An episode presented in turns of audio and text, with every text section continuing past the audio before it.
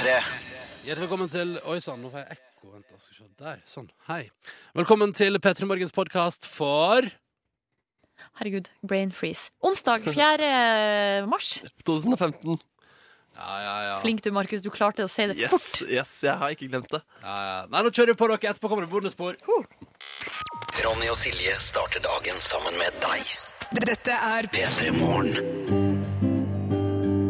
Ja, Der fikk jeg en e-post også. Vet ikke om du la merke til det, kjære lytter. Jo da, eh, jeg la i hvert fall merke til det. Pling, pling, Ronny får mail. Ja, ja, ja, men det er hyggelig å på en måte kunne dele den lyden. Hva står på mailen? Eh, skal vi se. Mm. Det er sikkert hvem som har nyheten i dag, eller noe sånt. Ja, det var, det var en pressemelding fra et eller annet selskap som ønsker at, uh, at vi skal uh, prate om deres produkt på et eller annet vis. Det Ja. kommer vi da ikke til å gjøre. Nei. Nei. Eh, Og derfor avstår jeg også å fortelle hva som står Ja, i e-posten. Nemlig, nemlig. Er Markus også, jo. Der er jeg også. Her har jeg også vært. Jeg er ikke en e-post, men uh, jeg Et menneske av kjøtt og blod. det stemmer. Og i dag så møtte jeg uh, mutter'n på vei til jobb. På vei hit. Nei, er det Jo, sant? det var ganske rart. Hvis Hun skulle til Og på, T-banen. på heim, vei hjem fra fylla. Fra er utrolig jeg ble påminnet alt jeg har opplevd i mine unge år. Jeg. Nei. Tull, tull, Men du, det, tull. det, det var, var det ikke sånn Altså, det var helt uforberedt møte? Ja, veldig rart. Jeg stoppa henne på en måte med, i hennes eh, sone, som handlet om å finne den T-banen og komme seg inn i den. Eh, Men det Hva snakka dere om da? Eh, vi prata om hytta på, vi har på Trysil, hvor vi nå skal drive og male rommet mitt. som, og, og kjøpe nye senger og greier. Ja, Oppgradere hytta litt, da. Sa hun er glad i deg, gutten min, ha en fin dag? Jeg tror det. Elsker det, sa hun elsker deg? Det tror jeg ikke hun sa, faktisk. Nei, det er kanskje litt heftig. Men hun er glad i deg, gutten hennes. Hva sa du? Hun er glad i deg, gutten Ja, hennes. jeg, jeg håper hun elsker meg òg. Ja, det håper jeg også. Men uh, jeg, er veldig, jeg er veldig dårlig til å si det tilbake, da. Å, typisk deg, da. Hæ? Ja, men- Stone cold face. Ja, men Klarer dere det? Jeg, jeg, sier dere sånt til foreldrene deres? Nei.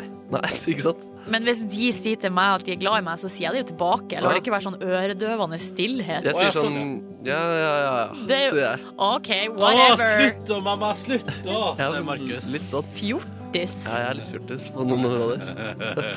Ja, Fattern behandler meg altså som en fjortis også. Jeg hadde en gang en revyøving i kjelleren min, hvor jeg da liksom var instruktør og hadde, skulle være autoritær og hadde skuespiller. Så kommer fattern med Pepsi Max og potetgull til eh, alle sammen. Å, Og så ble, koselig. Ja, men da ble jeg sånn der "Ja, Fattern, drit i. Ser du ikke at jeg har øving, faktisk? Og det ble jo ganske komisk, eh, det også. Å, pappa. Ja. Men kan det være jeg skulle si at eh, jeg misunner deg litt det, Markus, å være fra Altså at å bo på samme sted som du kommer fra, Ja. og faktisk ha muligheten til å møte mora di helt overraskende på vei til jobb. ja, det er litt fint. Det skulle jeg gjerne gjort en gang iblant. Ja. Vi som er da fra distriktet. Det hadde vært sykt om du plutselig hadde møtt moren din på Ja, vei vet til du, jobb. da, det hadde vært mindfuck! Mindfuck. Men uh, Siri, da må vi huske på at vi har jo ting som å reise hjem til jul. Ja, og det er jo en helt unik følelse som eh, du da, Markus, for eksempel ikke får Den kjent får på. jeg ikke. Jeg får ikke komme hjem til jul. Du sitter der i det mørke, stusslige kollektivet ditt Ja. eh, i jula. Uten lys. Ja, ja, ja. Jeg pleier, jeg pleier alltid å prate ekstra tydelig om det å reise hjem til jul når jeg er rundt uh, Live Nelvik, for hun har en sånn ekstrem misunnelse rundt det. Så pleier- Så snilt gjort av deg. Ja, men altså, man må jo spille på det man har. Sånn som hun kan møte sine foreldre hver dag. Det kan ikke vi, da. Nei. Nei. Og da må man uh, nyte noen av de godene. Så det prøver jeg å huske på at, vet du hva? Jeg skal hjem til jul, påske, sommer og sånn, og reise hjem, og det er stas å komme hjem. Og da er plutselig alt greit, da, syns jeg, på et vis. Ja, det skjønner jeg. Det, den bilturen eh, hjem til jul høres veldig vakker ut. Ja, det er veldig vakker. Det er den låta som kommer her også. Daniel Kvammen, du fortjener en som jeg. Velkommen til P3 Morgen. P3. James Newton Howard og hun godeste Jennifer Lawrence, da, vet du. Dette her var The Hanging Tree. Det er filmmusikk fra Hunger Games, og du har fått den på NRK P3 halv sju. Og det der, det var majestetisk og flotte greier, Nordnes. Det var kjempeflott, og det minner meg om at uh, vi har jo en Vi må jo få sett Hunger Games, uh, The Mockingjay Part 1. Ja, altså, fordi nå har jo jeg, uh, etter, etter at jeg Jeg hadde jo egentlig ikke planer om å lefle med denne filmserien. Eh, Men så ble jeg altså invitert da av eh, Silje her. Det var du som tok initiativ. Du, Jeg tror det var Live Nelvik Var som tok Nelvik, initiativ. Jeg var Som så opptatt av at vi skulle gå på kino i lag. Ja, og skal vi se film nummer to. Så da husker jeg at jeg Da uh, hasteså jeg jo film nummer én, og syntes at den var ganske så bra. Og så gikk vi på kino og så film nummer to, og syntes det var ganske bra. Eh, Det beste var selvfølgelig den eh, deilige asiatiske maten vi spiste etterpå. Men, men også filmen var veldig bra. Så jeg er veldig klar for eh, Silje Nordnes. Nå har du sagt at du skal ta initiativ til at vi skal se film nummer tre. Ja, for det som skjedde var jo at vi skulle, hadde avtale om å gå på kino, så ble det jo aldri. Fordi vi fant jo aldri et tidspunkt som passa for alle tre, og nå er det for seint. Eh, og nå har videoen allerede kommet på eh, altså, Filmen har kommet på video, som det heter. Eh, eller som vi sa i gamle dager. Ja, Det var i gamle dager, ass. Ja, og da tenkte jeg kanskje jeg bare skal lage noe middag og invitere hjem på filmkveld. Og det, jeg gleder meg så endelig altså så masse til å For jeg har spist mat du har laga før, Silje, men enda ikke etter at du nesten kom til finalen i Du må ikke legge så mye press på meg, for du vet at jeg blir så stressa av å lage mat til folk. Akkurat det jeg veit. Ja. Så jeg gleder meg til du skal diske opp med de flotteste retter. eh, Kanskje litt sånn tapas og- og aktig hjemme hos deg sjøl. Og så skal vi se på Hunger Games 3 Det var et godt tips. Litt sånn tapasaktig. Ja, At du lager for eksempel fem-seks småretter. Å, det tar så kan lang tid. litt på. Ja, jo Kan jeg, kan jeg ønske meg vårruller, da? Skal jeg lage hjemmelagde vårruller? Yes. Åh, men hva skal man gjøre med den olja etterpå? Du vet, jeg kan lage hjemmelagde vårruller. Det, det har jeg jo gjort på Masterchef. Det har du jo! ja, Det har du jo! Det har jeg gjort. Ja. Men eh, problemet er at eh, man friterer jo Altså Hvis man ikke har sånn frityrmaskin, holdt Ja. på å si, så må man jo fritere det i en vanlig kasserolle. Livsfarlig, altså. Ja, ja, man må være litt forsiktig, men det verste syns jeg er hva man skal sånn Etterpå man er ferdig å lage mat, så har man altså ei gryte full av olje. Og det du gjør, er at du har sånne store søppeldunker utafor, sånne som eh, altså forsvinner ned i bakken. Ja, så bare hell det oppi Bare der. hell oppi der. Men pass på at du gjør det før du eventuelt skal finne på å stivne, da. Ja. Hva, hva om man Ok, her er forslaget mitt, som jeg kanskje tror er det beste. Hell det over i en pose, la det stivne, og så kast det. Så, sånn, og så knyt igjen, liksom, så ikke hele søppelkassa blir innsmort. Du, jeg har en småskalaerfaring med dette, skjønner du. Og du har det, ja? Fordi, eh, og det er jo egentlig grunnen til at Men jeg har lært, altså det er jo Nå har jeg lært at dette Fjordlandgren det handler om sous vide. Altså at det blir lagd tilberedt på en sånn måte i plast. Og at det, det liksom, det skal jo være bra matvarer. Men de raspeballene der, som de selger, er jo helt nydelige. Men de avgir også en del fett, som jo er flytende når du har kokt greiene, men som etter hvert stivner. Uh, og der pleier jeg rett og slett bare, og det jeg gjort det siste gangen, at jeg klipper litt hull på posen, og før jeg da, for jeg orker ikke å få med alt fettet over på tallerkenen, så før jeg da begynner liksom å helle ut det innholdet jeg vil ha på tallerkenen, så bare heller jeg, for et lite hull igjen, så bare heller jeg fettet ut rett i søppelbøtta mi. Smart. Ja, stivner med en gang, og vips, dagen etterpå er det bare å kaste det, og så er det ingen som klager. Småskala erfaring, det er den beste erfaringa. Ja, det er i hvert fall da, altså, jeg vil si at jeg vil heller ha småskala erfaring på tusen ting, enn kjempeerfaring på én. Ja, det er sant. Ja, for foreløpig da, i livet så har jeg kjempe på én. Jeg, jeg vil si at jeg, jeg har litt peiling på radio, eh, men ikke så mye annet i livet. Hæ? du er jo sjølveste mesteren, Ronny. Åh, Du er jo det. Du er søt når du sier det. Ja. Du, vi skulle jo egentlig dykke i SMS-innboksen, men det tror jeg må vi gjøre etterpå. Ja, kanskje vi gjør det etterpå, da? Jo, vi gjør Så det. bare spille et topplåt først. Jeg har, altså, jeg har blitt så glad i den. Rihanna, ja. Ja. Four Five Seconds. Det skal jeg love deg. Ja, Den er litt fin, men den er litt sånn rar òg. Ja, men det er jo det som gjør den ekstra fin, vet du. P3. Tom André, fastlytter og kjernekar, skriver i SMS-innboksen vår koder P3 til 1987 at han er glad han ikke er ute og reiser med et visst flyselskap de nærmeste dagene, eh, og at han i stedet får cruise av gårde på tørr asfalt på morgenkvisten. Hyggelig å ha deg med, Tom André, og jeg er helt enig. Altså, i dag kommer du deg ikke innenlands i Sverige, Danmark eller eh, Norge med Norwegian. Fordi det er streik. Og ei som eh, skulle det, egentlig, er Ingrid, som også har sendt inn SMS. Og hun skriver eh, etter ei langhelg til Setermoen for å besøke kjæresten, så var det Å, har not- vært på militærlærbesøk? Ja, tydeligvis. Men er det lov? Er det lov? Altså, skjønner du, men, altså, får man liksom, kan man liksom bare stikke og besøke kjæresten på militærleir? Men det er jo ikke et fengsel. Jo, men Men, ja, men, jeg, Men du, du, hvor du, bor de? du stusser, du også? men kanskje det Kanskje hun bare joiner inn på seksmannsrommet, hun, da? Lå under køya der og bare hei, hei. Men det kan hende at det, det er en egen industri på Setermoen med hotell som leier ut eh, Kjærleikshotell. ja, rom som kjærester kan eh, bo på, holdt på å si, når de er på besøk. Ser jeg ikke vekk fra, altså. Ja ja, men hun har nå i hvert fall vært eh, Jeg, synes, jeg må bare Jeg syns det er så gøy med at i eh, eh, Fra flere venner jeg har som har vært i Tokyo, at liksom der er det. Fordi man bor så sjukt tett i Tokyo, og gjerne flere i lag, så er det altså big business med hotell som har forskjellige da. Du kan velge forskjellige theme, da. Jo, men det er det samme i Latin-Amerika. Fordi det ungdom, ja, for at ungdommene bor hjemme så lenge. Altså, De flytter ikke ut før de gifter seg, og da kan de jo være 30 år. Ja. Og så kan de ikke drive og så skal man helst ikke ha sex før ekteskapet. Og da, Det er tricky, altså. ja, og da er det hotell som spesialiserer seg på å leie ut på timesbasis. er kjempe... med tema! Og venninna mi, jeg har flere venninner som har vært og reist i Brasil, som har helt sånn u, eh, for u, uplanlagt endt opp i sånn der Kleopatra-rom. Oi, oi. Med speil i taket og glidemiddeldispenser, og det er bare full pakke. Idet du har speil i taket og glidemiddeldispenser, så er på en måte, da er det kjørt på et vis. Kanskje det er akkurat sånn det er på Setermoen, da. Nei, guri! Hvem var det, hvem var det, hvem var det, hvem var lytteren? Du, det var Ingrid, og vi må Ingrid har vært og forsynt seg av Nei, glidemiddeldispenser. nei, du. Hallo, hallo, hallo. Og, men det Ingrid skriver, var at hun har vært der på langhelg. Og det var noe panikk i det Norwegian-flyet hun skulle fly med i dag til Oslo, ble kansellert. Flaks for henne at hun har tidenes mest fantastiske kjæreste, som starta å kjøre klokka ti på fire i natt. Eller i morges, da. Eh, Herregud. Sånn at hun heller kunne fly fra Tromsø med et annet selskap, regner jeg med. Ja. Håper han kjører pent tilbake. selskap som flyr eh. Jeg vet ikke.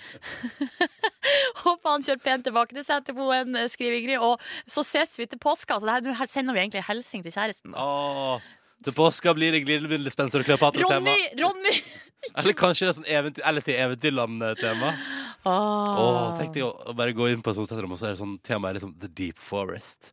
Og så er du langt inne i tåka der, ikke sant, eller bare Det, det, er ditt, det er ditt go to-tema, hvis du skulle valgt. Min go to-fantasi, ja. Nei da, det er ikke det. det, er ikke det. All right. Eh, ta med, vi må ta med melding. Dette er oppdatering fra en vi hørte fra i går. Han var eitrende forbanna i går, for det var noen som satt og spilte høy musikk fra iPaden på T-banen. Og vi fyrte oss opp Oi, her, og jeg måtte bare rape litt. Og vi fyrte oss opp i går. Og nå skriver han Hei, i går skrev jeg til dere ja, om den iPad-spillinga på banen. Takk for støtten. Vel, i dag toppa det hele seg med at eh, vedkommende, altså samme person, har skjetne sko godt plassert i setet foran seg. Ja.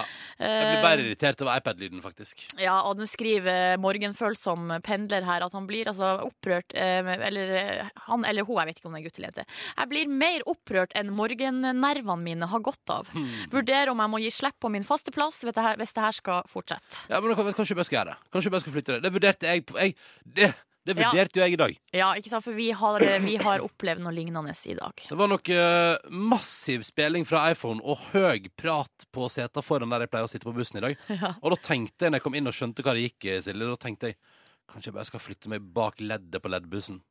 Men du gjorde ikke det. Du Nei. satte deg på din faste plass. Skulle bare opp lyden og ødela mine egne ører istedenfor. Hva følte du? For jeg, jeg hørte jo akkurat samme s- lydavspilling og skravling rett bak, bak meg, da. Ja. Uh, og da jeg kjente det begynte å boble, men så var det bare sånn Nei, skru opp min egen musikk og bare Det er det som er løsninga. Faste ut, liksom. I går for eksempel så var jeg faktisk og jogga eh, på tredemølle på trimrom på NRK. Snikskryt! Nei, nei, men, men hør nå, da. Hør Ja, okay. og, det, ja, men, og det som skjedde, var at da kom det inn en dame og så sa Går det bra at jeg setter på radioen? Og da hadde jeg liksom tatt med øreplugger og skulle høre på musikk. Og sa sånn Det går helt fint. Ser du, det er sånn fint. det skal gjøres. Ja, ja. Og så- Respekt for hverandre. Og det som da skjedde, var at da skrudde hun på, og så skrudde hun ned litt. Ja. Og da kunne jeg fint høre på min egen musikk. Ja, Deilig. sånn det skal gjøres. Ja.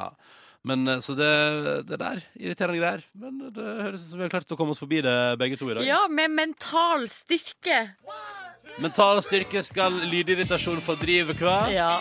Så håper jeg at det er noen der ute som pumper P3 på maks da i sin buss eller bane eller bil, og nå får dele musikk fra The Knox. Var på klassetur til eh, Oslo i 2003. Og så var jeg da innom, for det synes jeg var skikkelig stas. Så var det ordentlige platebutikker i Oslo. vet du. Så kunne man kjøpe CD-plater. Back in the days dette her, da. For i alle fall ti år siden. Um, eller tolv, da. Uh, og da var jeg inne på butikken, og så sa jeg sånn eh, Så hadde jeg et par plater jeg ville ha, selvfølgelig. Ja. Og så spurte jeg betjeningen Er det noe dere vil anbefale meg. Og da sa han eh, litt sånn slitne indie-typen bak uh, disken. Ja, du må, du må faktisk skaffe deg den Phoenix-plata Alphabetical. Den er veldig, veldig bra. Helt fantastisk. Jeg bare, Å, så kult! Så tok jeg med den hjem. Og så syns jeg den låta er jo dritfin, men sånn ellers syns jeg kanskje altså, Eller eh, mitt hjerte, mitt musikkhjerte var ikke modent nok. Så det var litt sånn Så det var sånn der nei, Jeg skrur den og setter på det 8 Mile soundtrack jeg òg kjøpte i stedet for. Å ja, med Eminem. Ja, og hele gjengen. Ja. Der. Ja. Nok om musikk. Dette var Everything Is Everything med Phoenix. Nå skal vi ta en titt på avisforsidene ti på eh, sju. Uh, og det er det totale kaos, folkens. Eh, alle avisene skriver om det i dag. Uh, Norwegian handler det om, og da er det blant annet da altså Uh, Kaos for 35 000 i dag, skriver VG. Og så liker jeg Dagbladet har laget denne fiffige vinklinga på det. Skandinavia lammas. Du rammas. Og det handler om at det blir flykaos hos Norwegian. Og Dagens Næringsliv skriver en interessant sak her. Det er altså da full stopp i billettsalget her. Forretningskundene forsra, altså forsvinner fra Norwegian i rasende fart. Men man og, tør jo ikke å bestille billetter, for Nei, man vet nei. jo ikke om man kommer seg fram. og ingen gnir seg vel i hendene i disse dager som eh, naboen og konkurrenten særs. Ja. Eh, for det står her at forretningskundene nå bare flykter tilbake til eh, SAS der, eh, og til deres eh, forretningskonsept. Så det er jo, blir spennende å se hvordan dette utvikler seg. Jeg føler at det er høydramatisk, og så er spørsmålet da er det bare partene i en streik som prøver å gjøre det høydramatisk. Skjønner du hva jeg mener? Ja. Men fakta er jo at 35 000 mennesker i dag ikke får fly på den billetten de skulle. Og det er jo krise. Det er krise. Ja. Det er krise. Du, En annen sak som eh, dominerer alle forsidene i dag, er jo da Det er jo et annet kaos som har foregått. Det er i Nobelkomiteen. Det er Ja. de som sitter og bestemmer hvem som skal få Nobels fredspris. Kan jeg være ærlig, Silje? Mm. Har ikke ofra et sekund til eh, å gå inn i den saken der utenom at jeg har fått med meg at eh, Torbjørn Jagland eh, har altså da blitt kasta. Jeg kan forklare. Det som er litt spesielt, er jo at uh, det har aldri før skjedd at en leder av komiteen ikke har fått lov til å fortsette når han sjøl ville det. Men nå har det altså vært et De har hatt uh, valg innad i styret der, eller i kom- komiteen, og flertallet i komiteen er fra Høyre og Frp. Torbjørn Jagland er Arbeiderpartimann, og han har nå da blitt kasta som leder. Og så spør man seg hvorfor. Eh, og da er det noen som mener at det her er et slags lite vink til Kina. Hei, hei, Kina! Se her hva vi gjør nå. Nå- Ja, nå blir du interessert, ja. Å, så Kina Å ja, men når, når det handler om Kina og konspirasjonsteorier rundt Kina, da koser jeg meg. Mhm. Da- Så, å, så det er frieri til Chinas? Ja, eller det er noen som hevder at det kan være det. For Torbjørn Jagland var jo da leder når han er Louis Chibot Louis, Det er veldig bra ut. Nei, bare fortsett. Er det veldig rett? Lu Chibot. Eh, Kontroversiell pris der, og Kina ble kjempe, kjempesint. eh, Og ble sint på Torbjørn Jagland. Eh, Og når han nå da ikke får lov til å fortsette, så kan man se på det som at man på en måte, på en måte gir seg. Plutselig dumper det tonnevis med norsk laks inn i Kina igjen. Ja, bare Velkommen, norsk laks, til oss. Ding, ding, ding. Ja. Stig på! Du, og i tillegg til det her, da, eh, så er jo altså på forsida av VG i dag, så er søstera til eh, Torbjørn Jagland på HS, og hun skriver 'ikke mobb min lillebror', mm. sier hun her sint til eh, den norske offentlighet. Litt fordi at en eh, Høyre-rådgiver han skrev på Twitter da det ble kjent at eh, Torbjørn Jagland fikk sparken. Klovn ute av komiteen, gudskjelov. Ja. Så ble det et helsikes leven der. Høres ut som en helt normal tweet. ja, det, jeg tenker også det at her syns jeg det er litt overdrevent. Og det er, jo, det er jo synd for Torbjørn Jagland at han, mista, at han har mista jobben, liksom. Eh, Men samtidig så er han jo en av Norges aller mektigste menn. Eh, Og jeg tenker at han kanskje må tåle eh, At han blir kalt såpass- klovn på Twitter. Ja, jeg lurer på det. Er ikke han leder i Europarådet? Jeg tror han har ganske, altså, Torbjørn Jagland har stor status og stor makt fortsatt, selv om han nå da ryker ut av Nobelkomiteen. Mm. Og jeg, for, det her er jo litt sånn Jeg, jo, jeg bruker jo vanligvis å være veldig kritisk til at man er på en måte slem med hverandre. Mm. Men jeg mener når det kommer til f.eks. Torbjørn Jagland eller eh, holdt på å si Erna Stolberg, Jens Stoltenberg, eh, de må jo tåle å få kritikk uten at det er mobbing. De er de mektigste menneskene i landet vårt. Ja, det mener jeg, altså. Ja, men det syns jeg det er helt innafor å mene. Ja. Torbjørn Jagland, han har det godt i godstolen. Det, ja, men kanskje ikke akkurat de dagene han har mista jobben jeg sin. skjønner, Ja, jo, det er jo trist for ham. stas å være med i Nobelkomiteen. Ja, klart. Ja, Ja, ja, ja, ja. ja. Å, selvfølgelig. Ja, ja, ja. Hele verden får, Du får jo oppmerksomhet fra hele verden! ja. Tenk på det. Det er jo litt kult, da. ja, det er kult. Ja. Skal vi si at det var en uh, kjapp titt på avisforsiden i dag? Jeg lurer på det. P3. Syns den låta er så fin, jeg. Dette er Aurora på NRK P3. Og låta som heter Under Stars. To minutter nå på klokka sju. Og vi sier god morgen til avløseren som straks tar helg etter ti dager i strekk på jobb i fjøset. Hyggelig å ha deg med, og kos at du eh, følger P3 Morgen på en onsdag. Og selvfølgelig skikkelig god superduper-helg til deg. Mm. Og så må vi, vi må oppklare en liten ting, Ronny. For vi snakka jo i stad om eh, Ingrid som hadde vært på besøk eh, hos kjæresten sin på Setermoen. Ja. Og da begynte vi å, å spørre oss sjøl hvor i all verden skal de bo henne. Er det Eh, et egne kjærleikshotell på Setermoen? ja, At man eh, tar det der eh, japanske, og som du ved å lært, eh, latinamerikanske konseptet, og bare flytta det til Setermoen? jeg tror alle litt sånn konservative land har sånne kjærlighetshotell som man kan Ja. leie seg inn på på timesbasis. Men um, vi lurte jo på hvor liksom de bor da, når, eh, for at de bor på leiren. Men da har vi fått ganske mange meldinger fra folk som vil bare presisere at uh, det er jo offiserer og befal uh, og altså, ansatte på Setermoen på mil- militærleiren der. Ikke bare førstegangs eh, vernepliktige. Å, men det er gøyere å se for seg at, at det finnes et eget Setermoen Love Hotel. Ja ja, det er artigere. Det er Red klart. by the hour. Ja. Oh. Med forskjellige temaer, Ja, da. kanskje eget Fifty Shades-rom, for eksempel. Kanskje det. Star Trek-rom vil jeg ha. Ja, Vil... Men sånn helt seriøst, hvis vi legger tøysen til sides, Ja. vil du ha Star Trek-rom? Jeg føler det er sånn minimalistisk og fint. Så må du gå i sånne rare dress. Stor, ja, store vinduer og Å, ja, der ligger du, da. Ja, men kan man se på stjernene og sånn. Kanskje taket er sånn stjernehimmel? Der har vi det. Der har vi det. Ja. Jørn Kårstad har stjerne, blinkende stjernehimmel på soverommet. Jeg bare sier det. Jeg bare sier det. Til info. Bare til alle som lurte. Du hører P3 Morgen, eh, til, altså, som altså, da er et radioprogram som syns det er skikkelig hyggelig at du har lyst til å, å joine oss på morgenkvisten. da. Holder på fra seks til ni hver dag. Jeg heter Ronny Erlam og Silje Nordnes. Hei, hei, hei. hei, hei.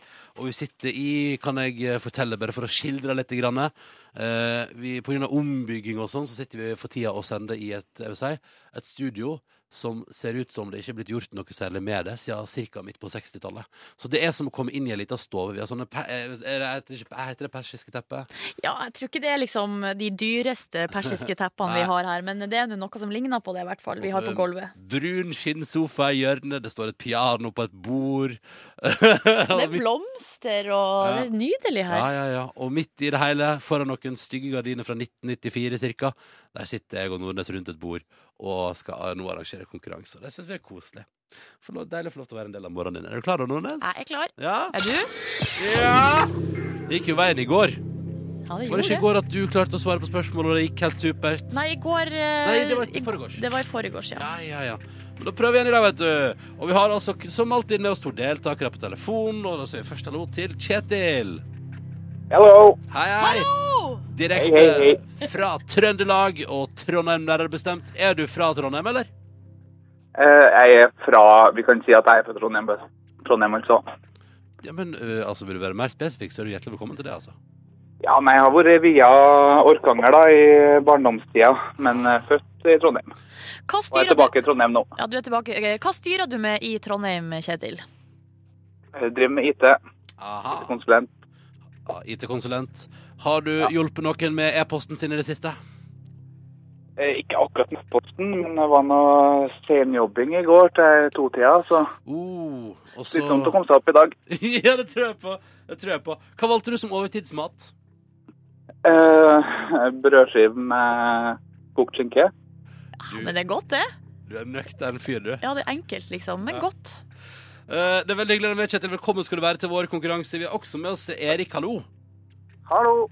Og da skal vi lenger nord. Eller det er interessant. Bodø skråstrek Hamar står det her. Jeg er fra Bodø, men eh, bor på Hamar. Å ja, da skal vi lenger sjøl! Ja, det skal vi definitivt. Ja. Ja.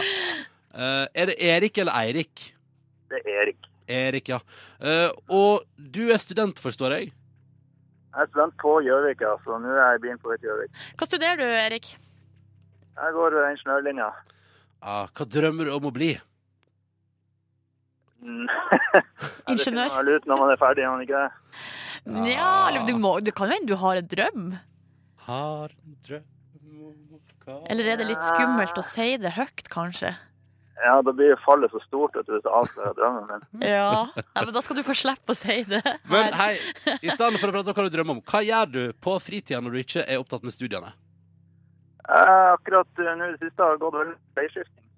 I bleieskifting, sier du? Ja, Altså, er du en eh, nybakt far? stemmer det. Gratulerer! Gratulerer! Hva skal barnet hete? Barnet heter Aria. Å, Åh. det var fint! Som i, i liksom etter Game of Thrones-aktig? Ja, men skriv det med I, da, ikke med Y. Det Ja, ja. en liten forskjell. Ja. Men, men er det inspirert av? Nei, men vi fant ut i ettertid at det var ganske likt, så det var jo litt gøy. Ja, ja, ja, ja det er perfekt. det. Litt sånn Aria Stark. eh, Lurer på om det er ei som heter Aria i Pretty Little Liars òg. Sier du det, Ja. ja? jeg tror det. Aria er et populært navn. Dette er bra valg. eh, Ja, bra valg. Ja, ja, ja. Nei, dere nå kjører vi konkurranse, så får vi se om det handler om navn. Eh, det gjør det jo for så vidt. eh, litt grann i starten nå. Det blir en liten eh, Ja, ja, nei, jeg sier ikke noe mer. jeg. Det blir en liten spesial. Ja, vi får se, da. Kjetil, er du klar? Ja. Ja, Bra. Du skal nemlig svare på det første spørsmålet, som lyder som uh, følger. Pilotene i Norwegian er altså, som vi hører i nyhetene og overalt egentlig, i streik for tida. Hva heter sjefen i lavprisselskapet Norwegian? Bjørn Kjos går jeg for. Det syns jeg du skal gå for, for det er helt fullstendig riktig. Joho! Joho! Ikke verre enn det. Bjørn Kjos. Jeg tror han, eh, han har det litt tøft i disse dager. Jeg tror det er mye svette under dressen Ja. i den veka her. Uh, mye, og mye sånn um, at man du vet når man lener liksom uh, handa inntil liksom panna og liksom tar seg en liten hvil. Ja. Ja, mye, Mye sånt. Ja. Dette betyr at Kjetil har svart på sitt spørsmål i konkurransen. Han har unnagjort sin del av uh, denne lille tevlinga.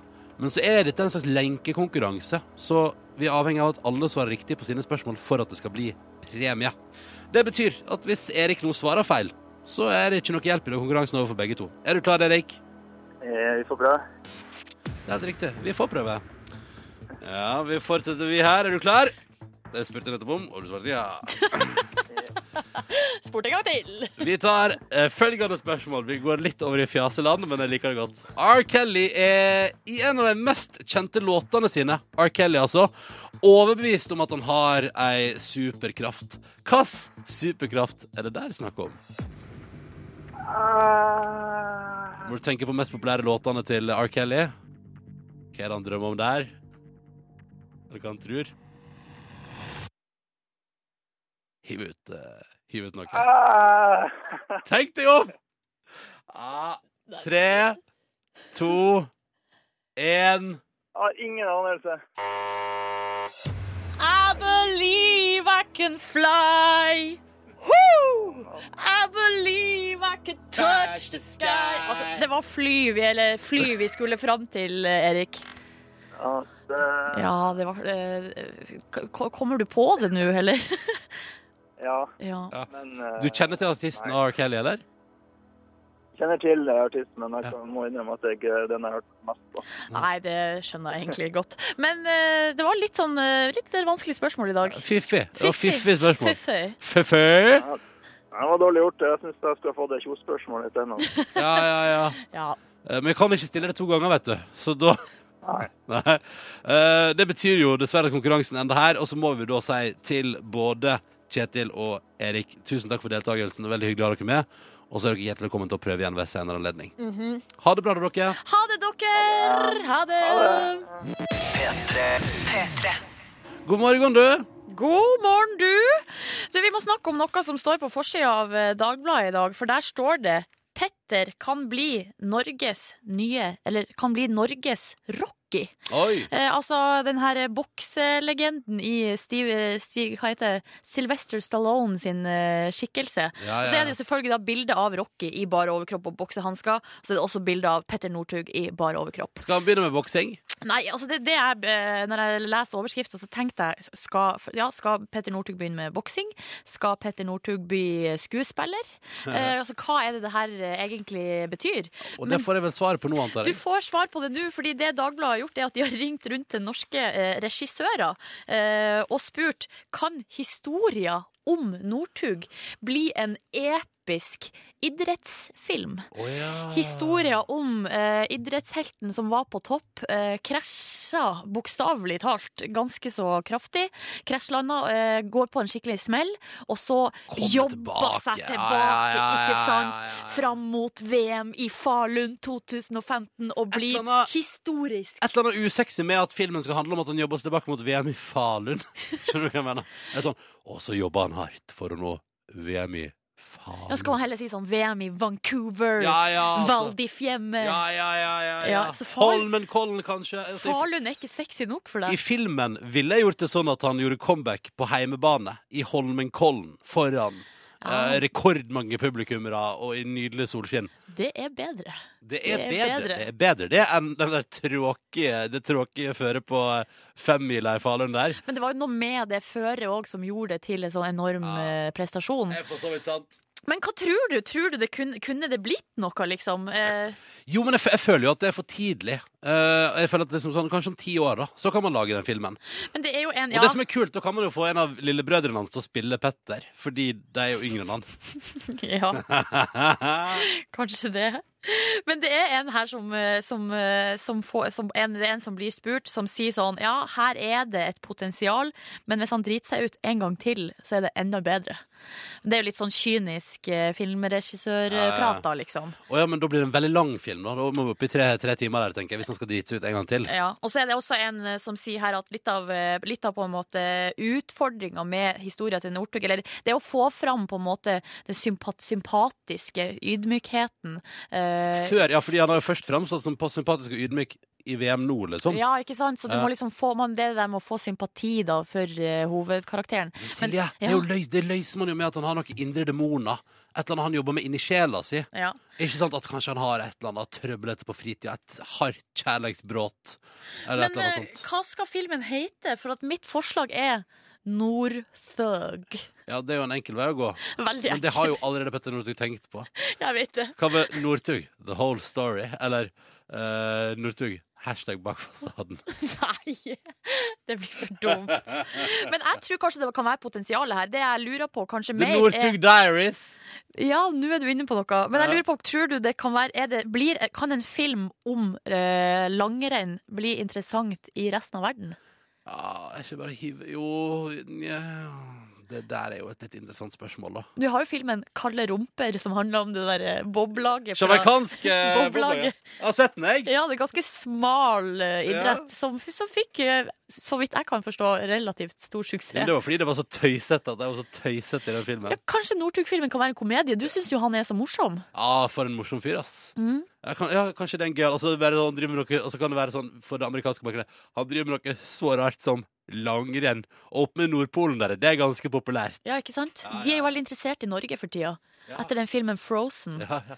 Kanskje vi skulle satse på det, da. Ja, nei, jeg vet ikke. Jeg bare syns, jeg syns jo det er Det her er interessante tankespinn. Så får vi se om det blir en eh, Northug-film. Nå kommer jo filmen om Sonja Hennie snart, eh, og hun eh, Ja. Ja. Ja.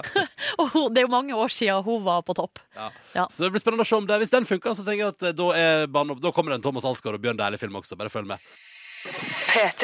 Eh, vi har planer. Eh, I aller høyeste grad har vi planer. Straks skal vi til eh, reporter Markus, som eh, er ute og skal vekke noen. Um, vi kan bare røpe hvem det er. Vi skal holde oss i sportens verden, da. ja. Mm. Karen Marie Ellefsen har, er tilbake fra Falun. Eh, Markus henne. Ja, Enkelt og greit. Det blir spennende å se hvordan det blir på sengekanten eh, der. Og om en halvtimes tid så kommer altså da, jeg vil si, en av eh, landets aller mest eh, kjente og leste forfattere på besøk. Og jeg har en følelse av at flere der ute Dette kan jo du eventuelt bekrefte, kjære lytter, men jeg har iallfall lest Altså, jeg har på en måte hatt han som les, obligatorisk lesestoff på videregående. Ja, det tror jeg veldig mange har hatt. Mm, jeg måtte lese Den naiv super og syntes det var en fabelaktig bok. Uh, den gangen da husker jeg satt på en buss og bare Å, dette er genialt. ja, ja.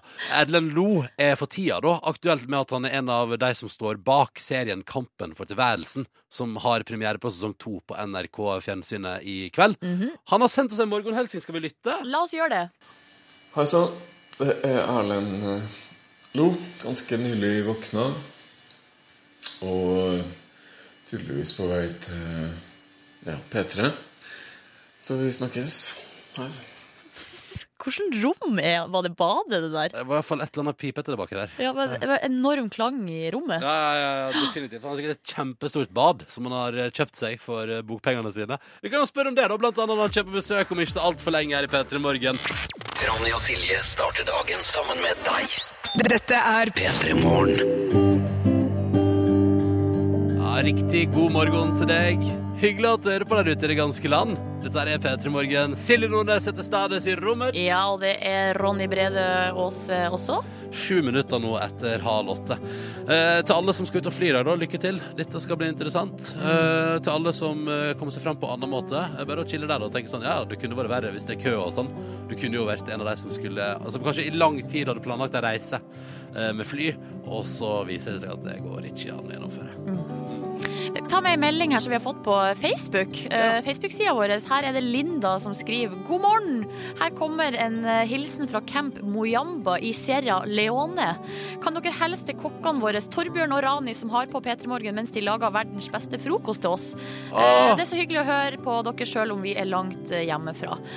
Og da er det klem fra frokostgjengen i Sierra Leone. Så utrolig koselig. Ja, er ikke det koselig å tenke på? At det sitter noen i en camp, da tydeligvis, i Sierra Leone og hører på oss. Og så du i går, så fikk vi jo flott e-post med lytterutsikt fra Costa Rica. Mm -hmm. Megahyggelig. Altså. Det bare, jeg elsker når det renner inn med livstegn fra lyttere hele verden over. Men vi konsentrerer oss jo først og fremst om at vi prøver å serve deg som starter dagen i Norge, da. Eh, Og det skal være hele veien fram til ni. Og som vi sa i stad, altså vi har eh, Ellen Doe, eh, en av våre mest kjente og kjære forfattere, på besøk om en liten halvtimes tid. Og før det så skal vi prøve å koble oss opp hele veien inn på soverommet til Karen Marie Ellefsen, kjent fra NRK Sporten. For det der er vår reporter Markus for å vekke henne. Men aller først på NRK P3 syns vi skal ta med oss litt grann som sier. Er du klar for den nye låta hennes, eller? Absolutt. Ja, bra! For der kommer den, enten du vil eller ei, Nordnes. Dette er Beginning at the End, med som sier altså, på en onsdag 4. mars på NRK P3. P3. Riktig god onsdag til deg. Eh, vi håper det går bra med deg, uh, selv om det nå står og melder på VG-nett at Stian Blipp tar TV-pause etter mitt dansecrew. Eh, så og det kan jo føles som en belastning, eh, men det kommer til å gå bra. Men altså, eh, vi vet ikke noe om hvor lang, denne pausen Eller er det bare en god gammeldags sommerferie, liksom? Og tror du kanskje det er det, ja? Ja, Det var samme som Truls Svendsen også skulle til TV-pause. Ja. I alle fall til høsten. Ja. Også kjent som, som, som sommerferie. Litt lang ferie, da, men Ja, ja, åh, deilig da. Det er jo fint det der med å jobbe i TV. Her i radioen går det jo slag i slag. Her, er vi jo, her driver vi og lager radio hver dag. Uh, I TV-bransjen er det jo sesonger og så, vet du, staselige greier. Ja. Uh, men nok om det. Vi håper iallfall at det går bra med dere ute. Det var det som var poenget mitt. absolutt. Um, og nå, Ronny, har jeg en nyhet her fra dagbladet.no som kanskje gjør din dag litt bedre. Oi, spennende. Ja, fordi du har jo tidligere snakka om at du er jo litt redd for å fly. Å ja. Ja. ja. Jeg, har hatt, jeg har hatt ekstrem angst for det, tror jeg. Eller nei, jeg vet hva. Nei, nei, det kan jeg ikke drive og si at Nei, jeg har. du har jo reist masse. Jeg har jo jeg har kommet meg om bord. Ja. Jeg kunne sagt det hvis jeg hadde liksom stoppa ved gate og sagt sånn Nei! Går ikke inn der! Eller om Jeg du går var- ikke inn i dødsmaskina! Du var drita full hver gang du var ute på reise, Ja. og det er du jo ikke. Nei, d- ikke hver gang. men, i alle fall, nei, men, men jeg har kjent på en angst rundt det å fly, og spesielt takeoff syns jeg har vært liksom helt sånn grusomt. Nå er det altså noen ny teknologi som, eh, som er, å dri, er under utvikling borte i Amerika der. Det er altså eh, gründeren som eh, PayPal-gründeren. Han som står bak PayPal. Det var jo et fiffig system. Fiffig system, og nå holder han på med et eh, nytt system som altså kalles for en hyperloop. Det her er altså da ei, en eh, tunnel, eller en slags eh, tube, som ved hjelp av solenergi, vakuumkrefter og magneter kan frakte deg eh, dobbelt så raskt som fly, og du krasjer aldri. Skjønner du, hva, skjønner du hva vi er inne på her nå? Jeg tror at det at den krasjer aldri, det er noe man sier når man skal presentere noe nytt og dyrt noe. Uh, og så får man se da når realiteten kommer. For dette der synes jeg umiddelbart Skal man da presse seg inn i ei tube som hjelper hva var det du sa, solenergi, Sol magneter og Og eh, vakuumkrefter. Ja. For du kan på en måte ikke krasje Det er ingenting å krasje med, for du er jo inne i en sånn lit, bitte liten tunnel. Ja. Og så sitter man i en sånn der tube. Altså man bare Og det, den, det her har vært Hva var snakk det man om gjorde? Vis en gang til. Eh, Det her har vært eh, planlagt i noen år, men nå skal altså det prosjektet testes ut. Det skal bygges en eh, tunnel i California innen utgangen av 2016. Den skal vel være ikke så veldig lang, 80 km lang, men ehm, 80? Eh, nei, he- nei, eh, nei, OK, ok, jeg misforsto. Eh, Men jeg tror altså den, det som skal prøves ut nå, er jo ikke Du kan på en måte ikke Den tunnelen som skal bygges nå, er jo ikke fra New York til Oslo, liksom. Nei, Det er litt kortere. Eh, Men det skal, altså, det skal på en måte realiseres, da, virker det som. Men det er dyre greier, da. Å, men det er jo framtidsvisjonen vi har drømt om siden Altså, dette har man drømt om siden 60-tallet, liksom. Ja, Uh, og det har jo for eksempel Futurama har jo basert seg på at sånt fins. ja ikke sant? Ja, nei, Dette blir veldig spennende å se, da. Men umiddelbart litt skeptisk til å, å på en måte, hva skal man si, være fastlåst i ei tube, da, på et vis. Ja, for du blir skeptisk til det her Ja, òg. ja, ja, er Mer skeptisk til den å fly, egentlig. Nei, Men Ronny, blir det aldri Det blir ikke Skal jeg aldri kunne frakte meg mellom kontinenter på trygg måte der jeg ikke føler meg redd? Nei, tydeligvis ikke. Nei, tror jeg ikke. Men er det ord som solenergi, vakuumkrefter og magneter som gjør deg nys nei, ikke nysgjerrig, men skeptisk? Ja, det og ordet tube. Ja, Ja. ja, for det ser Jeg bare si det er noen bilder her, eller det er en sånn liten video. Det ser litt sånn ehm, Nå kom det reklame. Det ser litt eh, klaustrofobisk ut. Ja Og er det noe jeg òg sliter litt med, så er det klaustrofobi. Så dette kan bli meget spennende. Ok, Da var det jo ikke noen god nyhet. Nei, nei. Men vi får se framtida og så videre. Nå spiller vi Elastic Heart vi er på NRK P3. Dette her er jo godeste sida. God morgen. Silje, du vet, vi har, har vi, jeg tror vi har prata litt om sånn relativt nylig her i P3 Morgen. Det der med at hvitløk og sånn Eller kanskje jeg bare har pratet med ulike venner om det. Men Ikke kvi, meg. hvitløk at Ja. Det var sånn da det kom på 90-tallet, for deg som er yngst av lytterne våre eh, Hvitløken Det er ikke så lenge siden den kom til Norge, skjønner du. Og da var det sånn der alle bare sånn Å, herregud, må passe deg for å spise hvitløk eh, hvis du skal kline med noen i kveld, for det lukter uh, dør. Ja, det der er og Det snakker man ikke så mye om lenger. Nei, men alle spiser jo hvitløk hele tida, så det er jo ingen som kjenner lukta av hvitløk lenger. Mm. Men i går kjente jeg den. I går kjente jeg lukta av hvitløk, Silje Nordnes. For første gang på flere år opplevde jeg i går at odøren av hvitløk spredde seg. Hvor var det du eh, traff på den? Det var etter at jeg hadde kjørt runde nummer to med å fylle vann på ovnen i badstua. Eh, og eh, kvelden, altså på, på mandag, inntok jeg et ganske stort eh, måltid med veldig mye hvitløk. Og i går, når jeg da satt der og svetta ut altså, alt eh, som var av rusk og fanteri i kroppen, Ja. ja, da kjente jeg bare sånn Lukta skikkelig hvitløk her. Det, ja, så, da, så det kom fra deg sjøl? Ja, ja, ja, ja, ja, ja. Jøss. Kroppen min bare pusha ut restene av hvitløk der. Og utrolig interessant. Og da kom jeg på hvorfor det i starten, da hvitløken kom til Norge, var så rart med eller at folk var sånn Å, passer det for hvitløk. Fordi hvis den først slår den odøren der, så er den ganske sterk. Ja, den er det. I hvert fall litt sånn gammel, den som har kommet på en Ja. måte gjennom kroppen. Jeg lurer på, jeg, jeg lurer på jeg fant noe hvitløk i kjøleskapet mandag, skjønner du, som kanskje har ligget litt lenge i kjøleskapet. Om det er den lukta jeg på en måte kjente. Ikke beklager at jeg, hvis jeg gjør det ekkelt i frokosten, men det bare, det bare slo meg i går sånn Shit, den odøren Det er lenge siden jeg har kjent det, da. Den lukta av hvitløk fra menneskekropp. Jeg kan, kan ikke huske når jeg kjente det sist. Men du som er eh, singel og nyter singellivet, Silje Nordnes.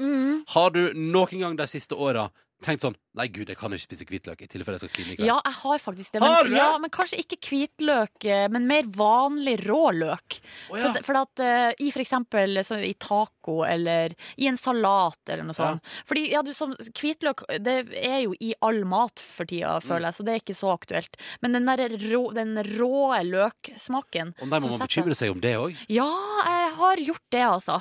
Uh, og har også til og med spurt lukta det løk av meg. og fått nei tilbake, så det har gått bra. Men ja, nettopp. Ja, det har gått bra. Men alle spiser jo løk òg, så det Ja. Ja. Jeg lurer på hva neste store sånn Å gud, du må passe deg for å spise det, for da blir det lukt, vet du. Jeg lurer på hva neste blir. Men jeg lurer på om vi på en måte har runda eh, verdens eh, kulinariske eh, meny. Jeg håper ikke det. At det er Jeg- noe igjen. Jeg håper det er meg der ute. Ja, det er vel det. Ja, det er mer der ute i verden, skal jeg love deg. Dette er P3 Morgen. Snart så kommer Erlend Lo på besøk til oss. Gleder vi oss skikkelig til. Og vi skal få litt hjelp av han også. Mm, Fordi at det, jeg sånn, Av og til er det ting i livet som er vanskelig å skrive. Eksempel naboklage. Ja, Nei, ikke nabo, nabovarsel. Ja, Hvordan gjør man et nabovarsel sånn at ingen klager? Eh, og så tenker vi sånn, Selvfølgelig skal vi få en av landets aller beste forfattere til å hjelpe oss med den tingen der. Fordi han kan hjelpe oss å skrive de tingene som er vanskelig for oss, for å gjøre det bedre. Det skal vi blant annet få hjelp til om litt. Hjertelig velkommen til oss, Erlend Lo. Ja, takk skal du ha. Um, først og fremst en av de aller mest kjente og kjære forfatterne her til lands. Uh, men akkurat i dag aktuell som en av eh, skaperne og folka bak Kampen for tilværelsen, som ruller i gang sesong to på NRK i kveld. Har allerede mottatt flere femmere i uh, dagspressen. Hvordan uh, bryr du deg om sånt?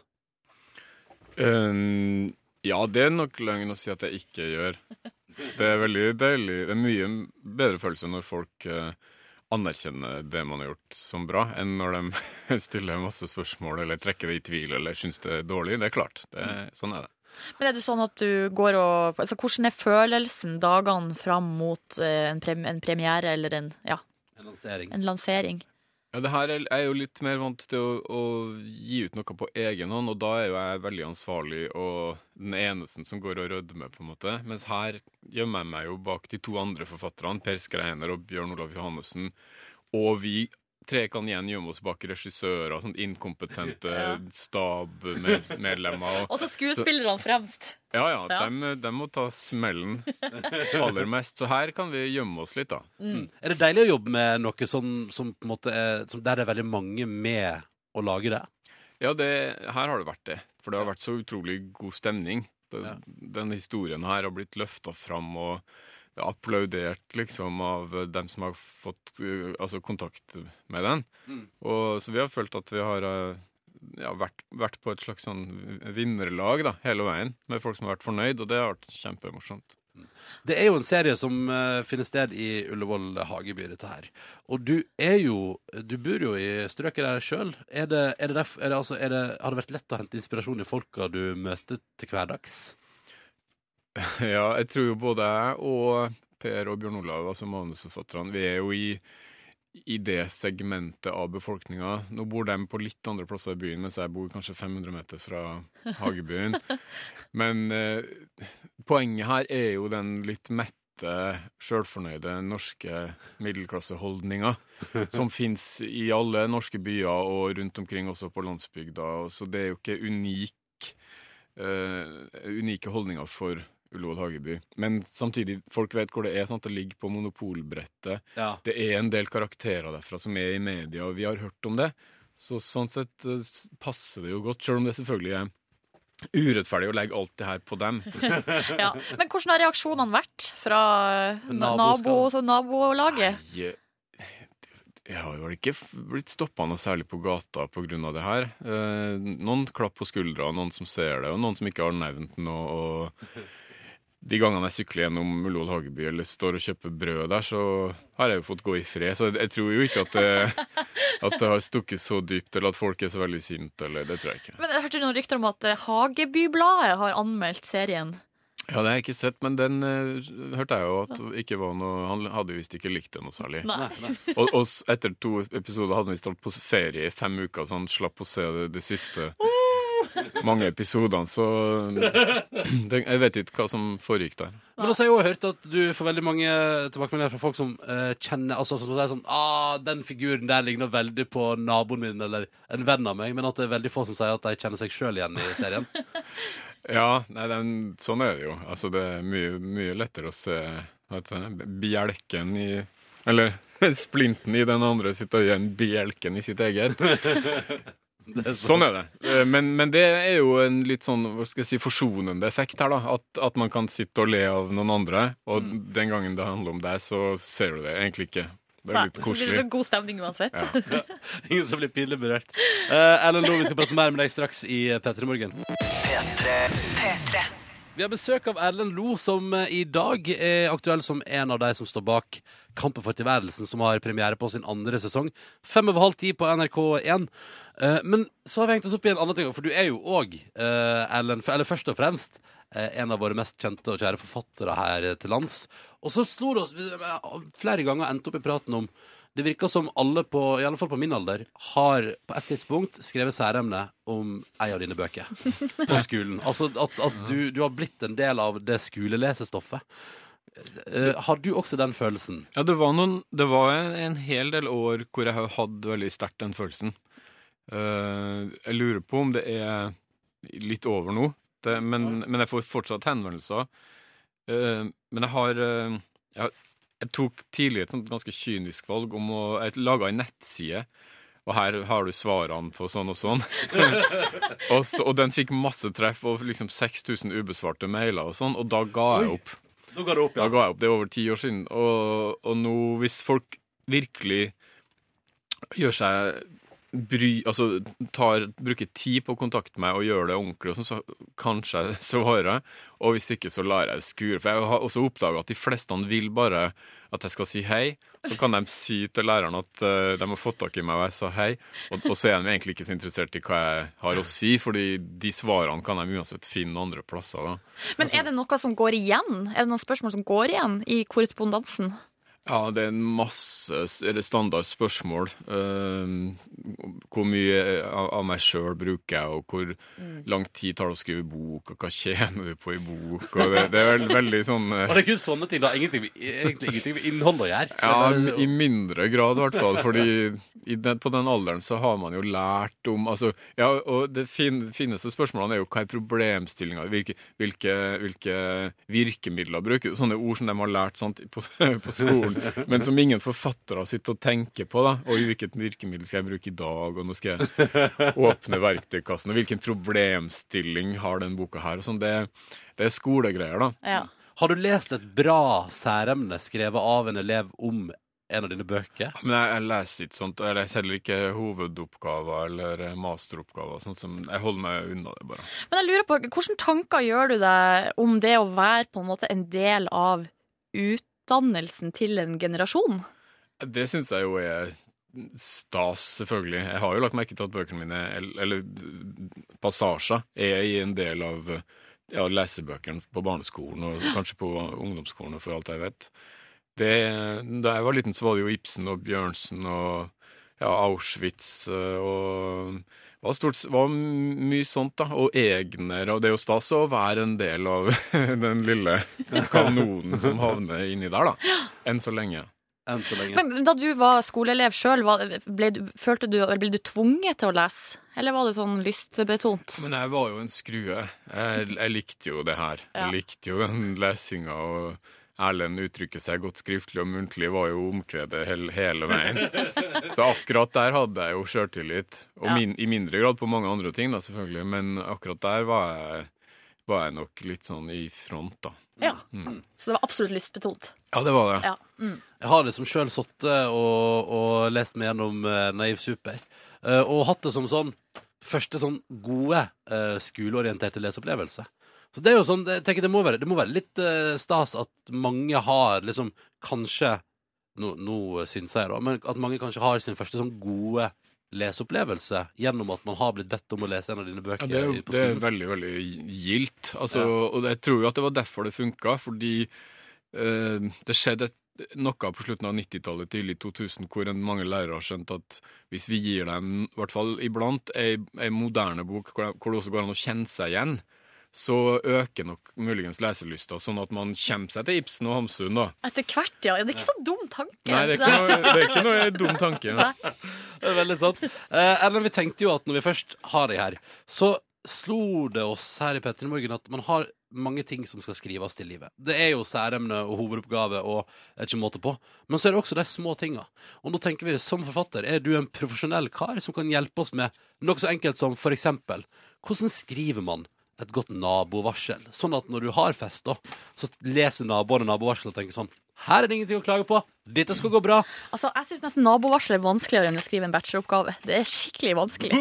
Hun sa det! Silje Nordnes sa det. Og straks så skal NLO hjelpe oss med det her i P3 Morgen. Du skal få gode tips, kjære lytter, for å sno din vei inn i å legge den lille litterære touchen på det dagligdagse. Så heng på, men først Queens of the Stone Age. Vi har altså besøk av eh, Ellen Lo. Og så tenker vi når vi har en røynd forfatter på besøk i P3 Morgen, hvorfor ikke bruke deg litt eh, til å rett og slett få litt hjelp i hverdagslivet, og med de tekstlige tingene som dukker opp i, i hverdagen. De vanskelige tekstene. Ja. Uh, og da er den aller første, Erlend, eh, som vi har tenkt på, er altså da en sånn, um, en sånn bio til Tinder, for eksempel. Sånn Ja. datingtekst. Den sleit jeg med. Ja. Men um, Man skal selge seg sjøl, men det må ikke være for mye. jeg Og... endte opp med å bli, være, gå hardcore, da. Okay. Og, og skrive 'sveip til venstre eller høyre som du vil'. Jeg gir faen. Oi! Den er fiffig! Ja, den liker jeg. For da signaliserer man at man er på en måte Ja, at man på en måte Det ikke er så farlig, liksom. Man har andre ting å holde på med òg. Ja, ja, ja. Og ikke minst, skal ikke mangle på tilbud der ute. Så det er bare her bare sveip sånn som du vil. Altså, jeg har det godt nok for meg sjøl. Ja, men dette er bra. Den likte jeg. Fiffig, kort, deilig. Ok, Neste eksempel, eller vanskelige tekst vi eh, drodla fram, var jo da en, en SMS for å fortelle personen du har vært på tre dates med, at man, at man ikke har lyst til å gå på date lenger. Ja. Hva sier Lenge siden jeg var i det segmentet, men jeg prøvde å se meg for meg, da. Ja, Litt sånn ung og veik, som jeg alltid var. Hei sann. Da du sa du syntes kvelden i går hadde vært superfin, sa jeg også at jeg syntes det, men det var ikke sant. Det var noe jeg sa for ikke å såre deg, men så lå jeg i natt og tenkte at det ikke var riktig å lyge, så nå vet du det i hvert fall. Og Olav H. Hauges samlede dikt vil jeg ha tilbake.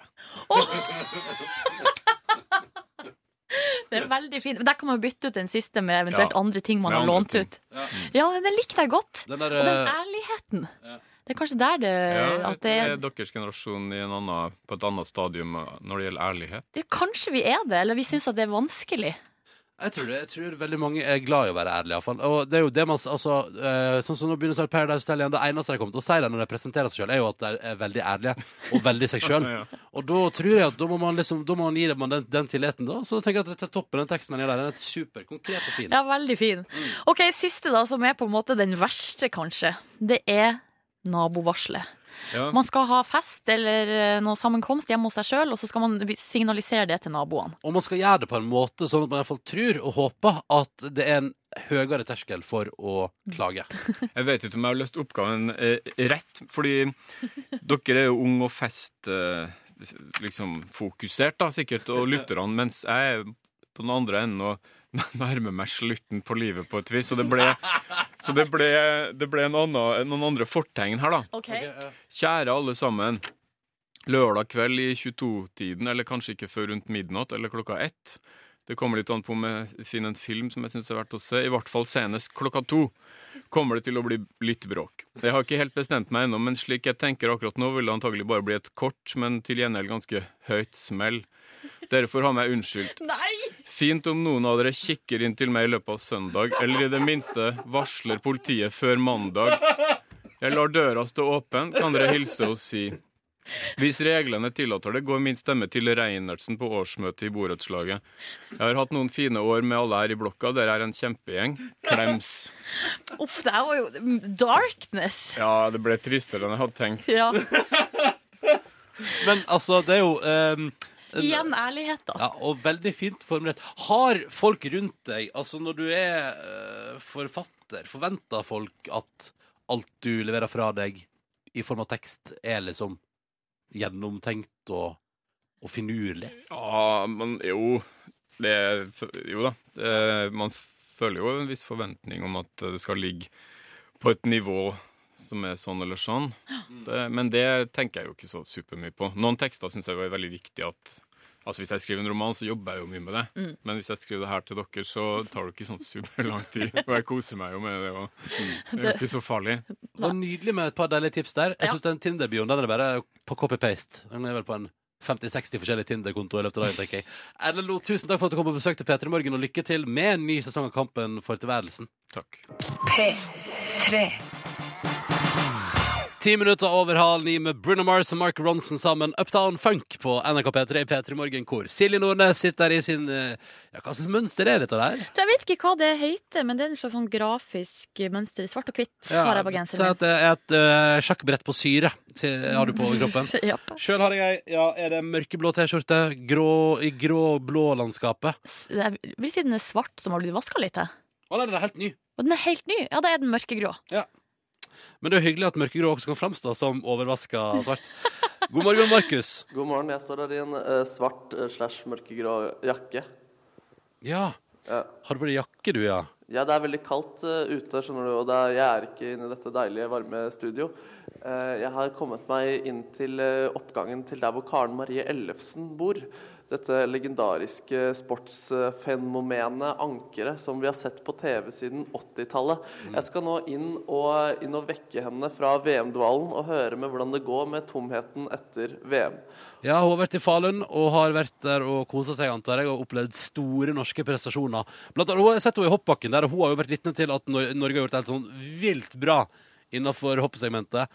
Eh, men ja, du skal Ja. inn og finne ut hvordan det går der i dvalemodus. Ja, og samtidig som hun gjorde det vilt bra, så gjorde jo også hun det Eller samtidig som de gjorde det vilt bra, så gjorde hun det også vilt bra. Hun er jo et vidunder å se på dette, denne, denne kvinnen. Så jeg skal, jeg skal inn og gi henne en litt eh, myk start eh, på morgenen og høre hvordan det går med henne. Kanskje litt, høre litt sånn om utensportslige om sportslige minner fra, fra bak, bak kameraene på, i Falun også. Har du med deg noe, eller? Jeg har med no, Eller nei, jeg har ikke med meg noe. Nei. Men, men jeg vet at hun har, trenger noe sånn vitamintilskudd, og hun har det, hun har det selv. Okay, Så jeg skal minne henne på å ta det. Ja, Høres bra ut. Eh, Markus altså skal inn og starte dagen med Karen Marie Ellefsen om ikke så altfor lenge i P3 Morgen. Vi skal bare dundre på med Matoma, som har tukla med Notorious BIG. Dette er Old Thing Back på P3. P3. Akkurat nå så befinner Markus seg eller, ja, eller for å spørre, da. Hvor befinner du deg? Jeg står nå inne, jeg har kommet meg inn i leiligheten til Karen Marie Ellefsen, og her er det utrolig fint. Det er veldig mange sånn firkanta møbler. Det er en ryddig kvinne som bor her, og jeg kunne nesten tro at hun kunne til og med ledet et uh, interiørprogram. Det tror jeg kanskje kan være en fremtid uh, for Karen Marie. Um, og jeg står nå utenfor eh, soverommet hennes, eh, tror jeg, og inn der så ligger hun og sover. Jeg skal nå vekke henne opp fra denne VM-dvalen uh, hun nå har vært i. Skal vi se Karen Marie? Karen? Hei. Hei. Hei. VM er over nå. Ja, nå er VM over. Nå, nå, må du, og nå, nå må du stå opp, for natten er også over. Ja, jeg skjønner jo det, da. Men det er fridag, derfor så tenkte jeg kunne sove litt lenge. Oi, du har fortsatt fri, ja? Ja, jeg, har, jeg må ha litt fri etter VM. Hvor lenge er det du får fri, da? Eh, nei, jeg har fri bare, bare i går i dag. Å ja, ok, så i morgen er det på igjen. Men, men, men eh, kjenner du liksom på en sånn eh, tomhet nå etter VM, eller hvordan, er, hvordan har du det etter VM? Eh, nei, nå begynner jeg å komme meg, men det er klart når jeg kom hjem hit på søndag ettermiddag, da var det litt tomt, da var det litt rart. Hva, hva tenkte du da? Eh, nei, jeg tenkte vel ikke så mye akkurat, men uh, du får en litt sånn tomhetsfølelse da, når du kommer hjem da til et tomt hus. Ja, men hvordan pleier du å pleie den følelsen?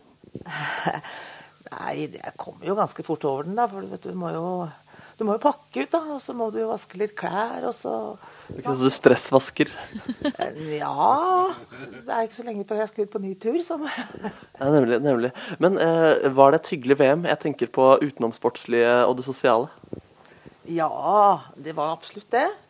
Eh, Det, det var det. Vi var jo et veldig hyggelig team på tur. Og, men vi, vi jobber jo den mesteparten av tida, men det ble jo tid til en liten middag på hotellet på kvelden, da, hvor vi samla En liten deilig middag. Eh, er, det, er det festlig lag? Hvordan, hvordan, hvordan oppleves dette festen? Eh, Nei, det er ikke noe fest, men vi må jo spise mat. Og siden vi bodde på samme hotellet, og, og så var det jo sosialt på kvelden. Så det er ikke så mye sånn eh, kokain i mediebransjen som det går rykter om? Nei, nei, overhodet ikke. Det, det gikk stort sett i vann. Så det, så det ryktet om at du har snorta kokain fra rumpa til Vegard Ulvang, det er bare tull? Det er nok bare, bare tull. bare tull. Men, men hva, hva tenker du om eh, framover nå? Hva, det er ikke så lenge igjen av verdenscupsesongen. Ja, hva tenker du om det som venter? Ja, nei, nå skal jeg til Trondheim neste uke. I Granåsen. Kombinert og, og spesielt hopprenn der. Og så er det Holmenkollen, og så er eh, neste helg. Og så er verdenscupsesongen slutt for min del. Markus? Ja, ja. Kan jeg, kan jeg jeg, jeg kort innspill herfra? Jeg lurer på hva hun syns om den norske innsatsen i uh, Falun. For det var så, jeg syns jo det var veldig bra. Ok, eh, Ronny han har, eller, han har en personlig mening om at det gikk bra med Norge under VM. Eh, så han lurer på hva du syns. Ja, Det er ikke noe tvil om at det gikk bra med Norge under VM. Det gikk fantastisk med Norge under VM. Det er vel det beste ski-VM som Norge noen gang har hatt. Vil, vil du si at uh, lykken din uh, pre, altså påvirkes av hvordan Norge gjør det i VM, eller har det ikke det så mye å si? Eh, altså, Det er jo mye hyggeligere når Norge gjør det bra. og det, Vi gjør jo så godt vi kan med sendingene uansett, men det er klart at det, det preger jo sendingene, og det blir jo mye større engasjement også i folket når Norge gjør det bra. Og vi blir mer entusiastiske, og alt blir mye, mye bedre. Så det er viktig, det. Markus, kan du Ja. også spørre hva Karl Karen Marie Ellefsen liker best? Er det vintersport eller er det friidrett? Hva er det du liker best av vintersport og eh, sommeridrett? Altså, min favorittidrett, min desiderte favorittidrett, er friidrett på sommeren. Men jeg liker jo all type sport, og særlig der hvor Norge gjør det bra. Du er jo ganske spenstig i din kropp. Har du, eh, har du eh, Driver du med noe lignende? Nei, nei, nei. Men jeg har jo begynt å trene på mine gamle dager. da. Jeg har jo ikke trent siden jeg var 20 år, men for et års tid siden så fant jeg ut at jeg måtte prøve å trene litt for ikke at kroppen skulle forfalle helt. Men jeg har ikke vært så veldig flink i vinter. Okay, men, så det er ikke gratis, den kroppen din? Ja, jeg har gode gener, tror jeg, så det har ikke noe med det å gjøre. Men eh, det er, eh, det, er, det er slitsomt å trene. Men jeg prøver litt innimellom, da. Ja, nemlig. Ja, men gitt eh, håp om at å få snike til meg mer eh, Få se mer av kroppen din, så ber jeg deg nå stå opp, uh, og, så du kan våkne opp. Ja, eller, jeg, jeg, vil at du skal, jeg vil at du skal få noe ut av den dagen, Karl-Varie Ja, Du kan godt lekke deg etterpå. Bare ta, av dyna. Jeg skal ta med dyna. Markus, nå Oi, nei, hun hadde på seg topp! Var det fordi jeg kom, eller er det vanlig? eh, vanlig? Jeg pleier å ligge med en liten topp. Ja, ok, greit. Nei, men Veldig i hvert fall hyggelig å få lov til å vekke deg. Så håper jeg du får det veldig nyter fridagen, og det blir gøy å følge deg videre og i karrieren din. Tusen takk skal du ha. Ja. Ha det, Markus! Ha det bra. Åh, nå trenger vi musikk. Å, gud. P3. Rihanna med filmmusikk til den nye filmen Home, som Dreamworks skal lage. Animert, eh, koselig familiefilm. Da, vet du. Dette, og dette var towards the sun. Jeg har forstått det sånn at hun òg har ei av stemmene i filmen. Så da er det jo naturlig at hun synger litt også. Nå får filmen masse PR, så Eh, gratulerer med det. Ja, det, det har med seg flere. Nå husker jeg ikke, men det er flere artister som òg har stemmer der, så det er liksom en god bukett. Um, du hører på P3, og vi tenkte bare komme med en liten TV-anbefaling for kvelden. En slags dobbel godbit i kveld. Fordi Norske fordommer med Lars eh, Berrum og Martin Beyer-Olsen går jo på onsdager på NRK3. I dag får de selskap av enda et eh, program.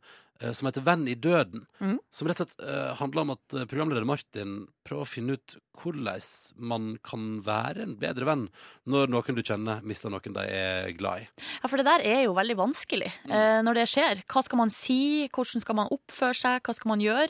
Uh, og det har Martin prøvd å finne ut av ved å snakke med unge folk som har mista noen de er glad i. Mm. Rett og slett.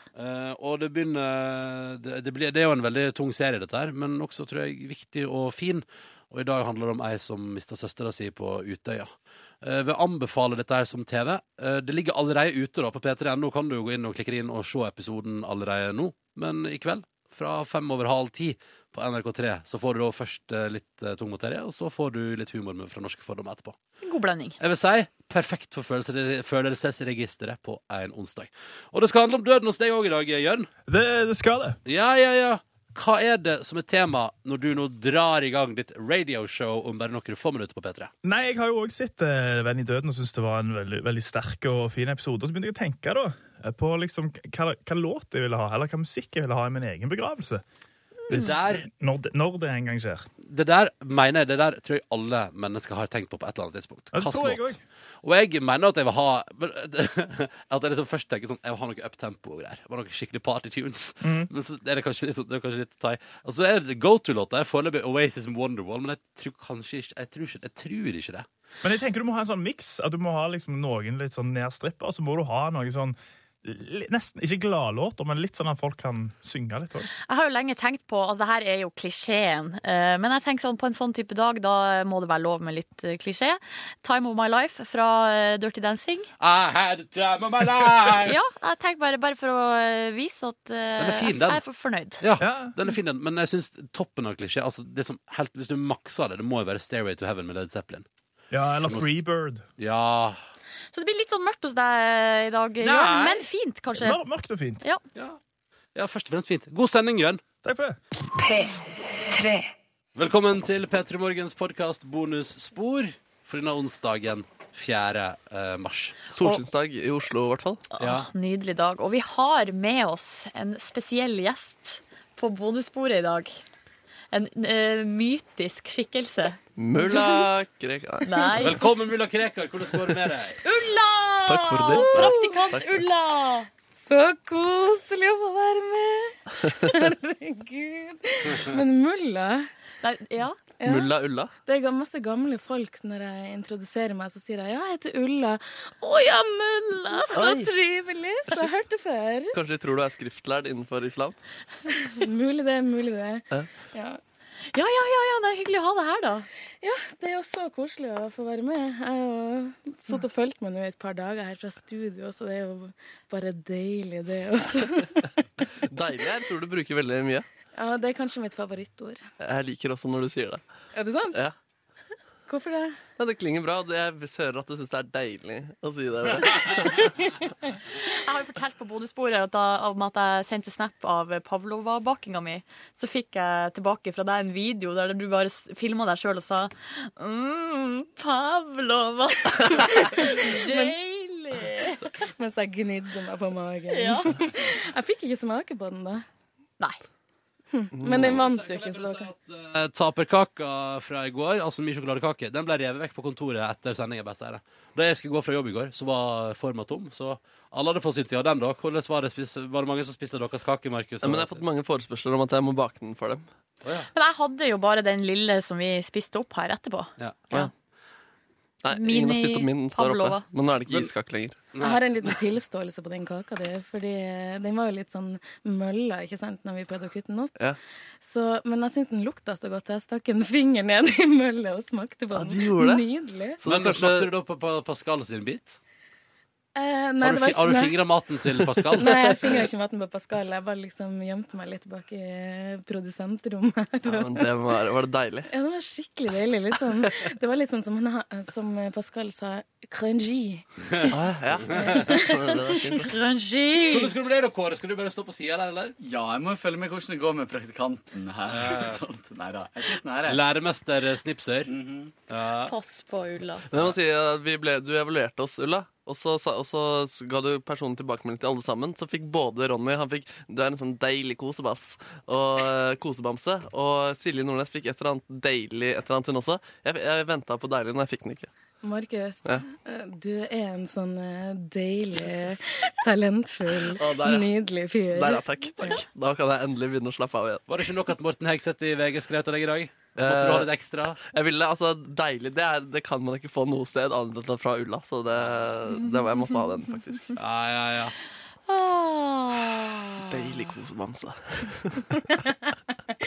Kosebass. eh, Kosebass var det. det, var det. Ja. Hvordan går det med dere ellers, da? Folkens. Jeg eh, var og trente i går, da. Jogga litt med mine joggesko som jeg har fått tilbake igjen. Fy søren, ass. Ja, ja, ja, ja, bare så dere vet det. Var også, jeg var to ganger i trimrommet i går. Fordi Først var jeg og tok bilete i lag med Silje Nordnes og Markus Neby, mens Kåre passa på som en hauk. Og sa ifra til alle menn som kom inn for å ta sin dusj, at det, det er damer, altså. Det er damer. Og, men Kåre kom også med de villeste fotoideene, som bare handla om blotting og urinering og spanking. Den syke, syke mann. Men du gjorde det. Du gjorde det. Jeg stilte opp, jeg stilte opp. Bortsett fra din pissoarideene, da. Eller var det din, Ronny? Nei, det var Kåre, Ja, det var Kåre. Ja. Så det, nei, Der stilte han villig opp. Så det var hyggelig. da Der satt vi og tok bilde i badstua. Veldig koselig. Ja. Og så gikk han igjen etterpå, og da tok jeg med ei joggeøkt som var veldig hard. Første, på, første siden september, fant jeg ut. Eh, det var tungt. Eh, og så etterpå så var jeg i badstua igjen, og da fyrte jeg altså så innmari i den badstua der at eh, Jeg mener, det er ikke godt nok før du har litt eh, tilgang Altså like før du hyperventilerer når du skal sette deg. Det er bra, ass. Det er bra. Så jeg koser meg der. Brannfakkel her fra sida, men jeg er ikke så glad i badstue. Det er for varmt. Nei, jeg, jeg, kan, eh, jeg kan støtte deg tidvis, men av og til syns jeg det er godt. I går syns jeg det var godt. Ja, ja, ja. Når vi var der på fotoshoot. Det var jo helt jævlig, og så skulle vi jo ikke dusje etterpå. Ja, det er sant. Jeg likte det. Ja, jo, Ingen som hadde tenkt på at når vi skulle ta, ha fotoshoot i badstua, at den var varm. Nei. Og det, du ofrer ikke den tanken? Nei, jeg liksom reflekt... Eller nei, Hva tydeligvis syns du om NRKs herregarderober? og Det, Silje? det er jo veldig artig å få innpass i liksom et sånt eh, sted som jeg ikke altså Det er liksom ulovlig, da. Mm. Så det, jeg likte å være der. Ja, Det likte jeg ja. godt. Fikk du sett noe mannekropp mens du var der? da? Jeg så en mann med håndkle rundt livet. Ja. Du gjorde det? Ja, så det fikk jo litt uttelling. Ja. Likte du det? Ja. Ja. Var det deilig? Nei, ikke så deilig akkurat. Men det var litt spennende. Ja, spennende. Ja. Ja, Forbudt sone på et vis. Ja.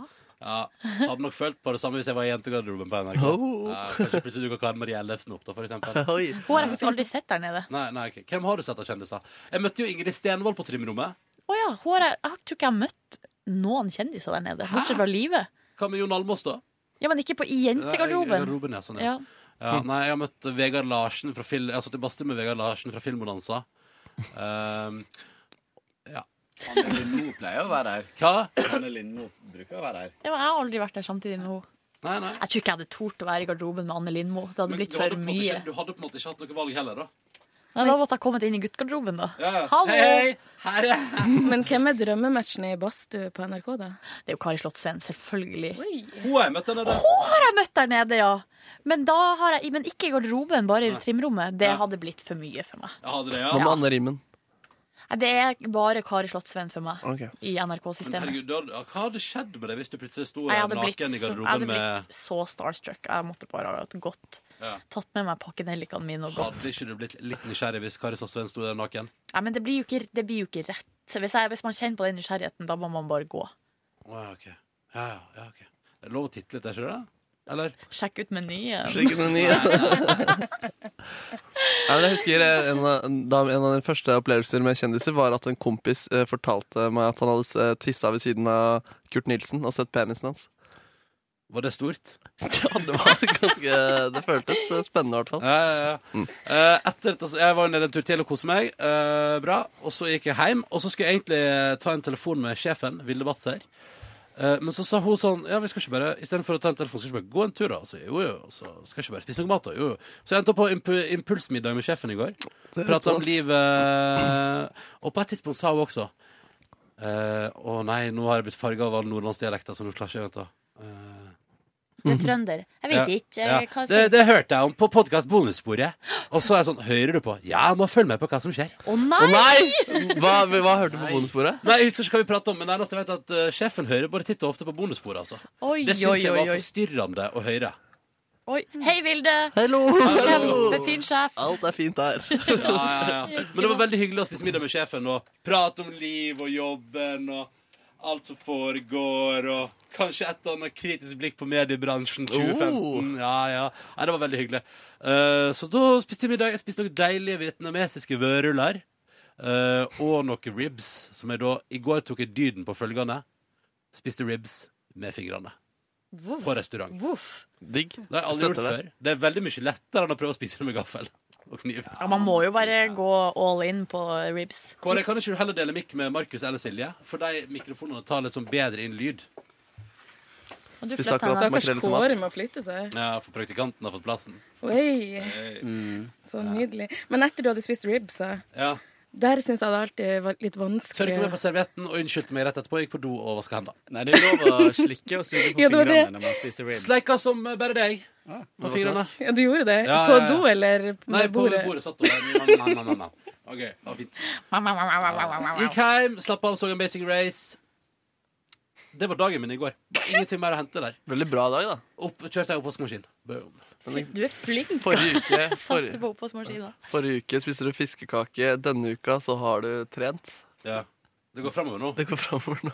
Hvordan eh, var din gårsdag, Markus Neby? Mm, den var helt uh, middels. Kan Jeg, jeg bare skyte inn Oi, oh, oh, oh. I går tok jeg også med uh, min helteiga P3 Morgen morgenkåpa hjemme. at jeg syntes det var stas. Uh, samme her. Ja. Og det var det som ventet meg hjemme. Jeg bare gikk hjem, og så la jeg meg i eh, sengen. Og så uh, sov jeg til eh, en liten stund.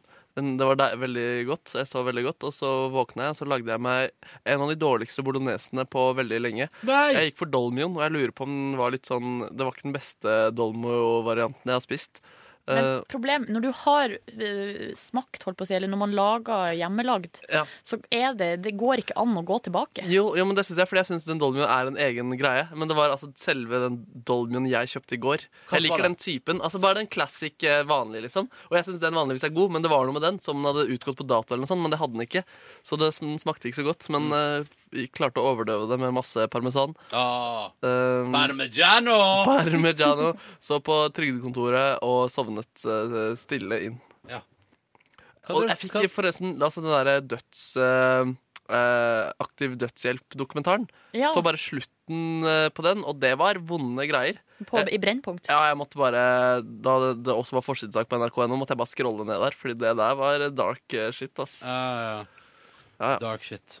Uh, Kåre, da, din gårsdag? Min gårsdag var eh, fra jobb i fint vær til Løkken. Eh, Altså Grünerløkken? Grünerløkken. Eh, Skulle du klippe skjegget ditt igjen? Nei, ser det sånn ut? Ja, du er alltid veldig Å frisert, nei, du. jeg syns nå begynner det å bli for Jeg tenkte jo at jeg skulle få stussa det litt før jeg skulle på tur. Men eh, det var vanskelig. Vi skal på tur i det morgen, dere. nesten to eh, Ja, det skal vi. Herregud. Oi, shit. Jeg vet ikke Um, hvor vi skal, da. Og eh, bare før du fortsetter, vil, du- vil dere høre Jeg fikk ut én fun fact til fra Vilde Batzer om turen vi skal på. Prøvde selvfølgelig å stille spørsmål om det mange ganger. Det blir bedre standard enn på den hytta vi bodde på i Oslofjorden da, Silje. Ja, det skal ikke så mye til. Nei, der var, for der var det ganske råtten utedass og maur innendørs. Ja. Men, eh, så det ble litt bedre enn det. Men eh, jeg uh, sjekka litt forskjellig i går i forhold til de hintsa og cluesa vi allerede har fått. Det- for jeg har fått vær, ja. Googla eh, Ja, vær var én ting. Uh, og så googla jeg Trenger man pass når man skal til Åh, Jeg glemmer alltid hvor jeg tror vi skal. Svalbard. Nei. Budapest. Budapest. Ja. Og det gjør man Og det gjør man ifølge Mamma Nett. Ja. Fordi at ting kan skje. og ting skjer på tur. Plutselig så skjer det noe i det landet man er i. Så i Schengen så bør man ha pass, så flyselskapet kan kreve det. Ja. Så sett at vi f.eks. ikke skal reise med Norwegian, jeg vet ikke om de krever det, men hvis vi skal reise med noe annet, så tror jeg jeg heller en finger på Budapest. Det passer med været. Passer med passopplysningene. Passer med det lure smilet Batzer fikk når eh, jeg Foreslo det. foreslo det. Men uh, Det passer ikke med at Vilde har sagt at vi ikke skal ha med oss badetøy. Men uh, Kanskje ta med badetøy uansett. Ja, jeg tar det med Jeg tror uansett. også at vi ikke skal ha det med fordi vi ikke egentlig har tid til eh, Ja, å for vi bade. skal jo jobbe. Ja. Men, eh, men eh, Jo. jeg kan bare også si det at jeg prøvde meg også på følgende i går. Ja, det er jo kjipt hvis du ber oss sende masse passopplysninger til deg på e-post, og så har du ikke bruk for dem, for der kan det bli en stygg VG-sak om ident identitetstyveri fra sjef. eh, men det, det er fritt. Det er ikke- det ble ikke litt nervøs her engang. Nei. Så jeg tror vi trenger det. Interessant. Hva gjorde du på Løkken, da? Nei, jeg Spiste du focaccia? og Spiste focaccia. Ja, ja, ja. Fordi det, det, det nye- foccaccieriet Mm. er det, er, altså, Kan man spise liksom midd... Skjønner du hva jeg mener? Middag? Nei, jeg spiste Jeg holdt meg mett til eh, sånn i tiddraget. Da åt jeg litt mer middag. Men uh, veldig god uh, foccaccia. eh, sammen med eh, en veldig, veldig god venn av meg som jobba i området, som hadde tid til å komme og spise med meg. Så tok jeg en Rett etter jobb? Rett etter jobb. Så gikk jeg en liten tur eh, og skulle se om jeg fant noen nye klær. Det gjorde jeg ikke jeg. Fant veldig fint, men ingenting passa.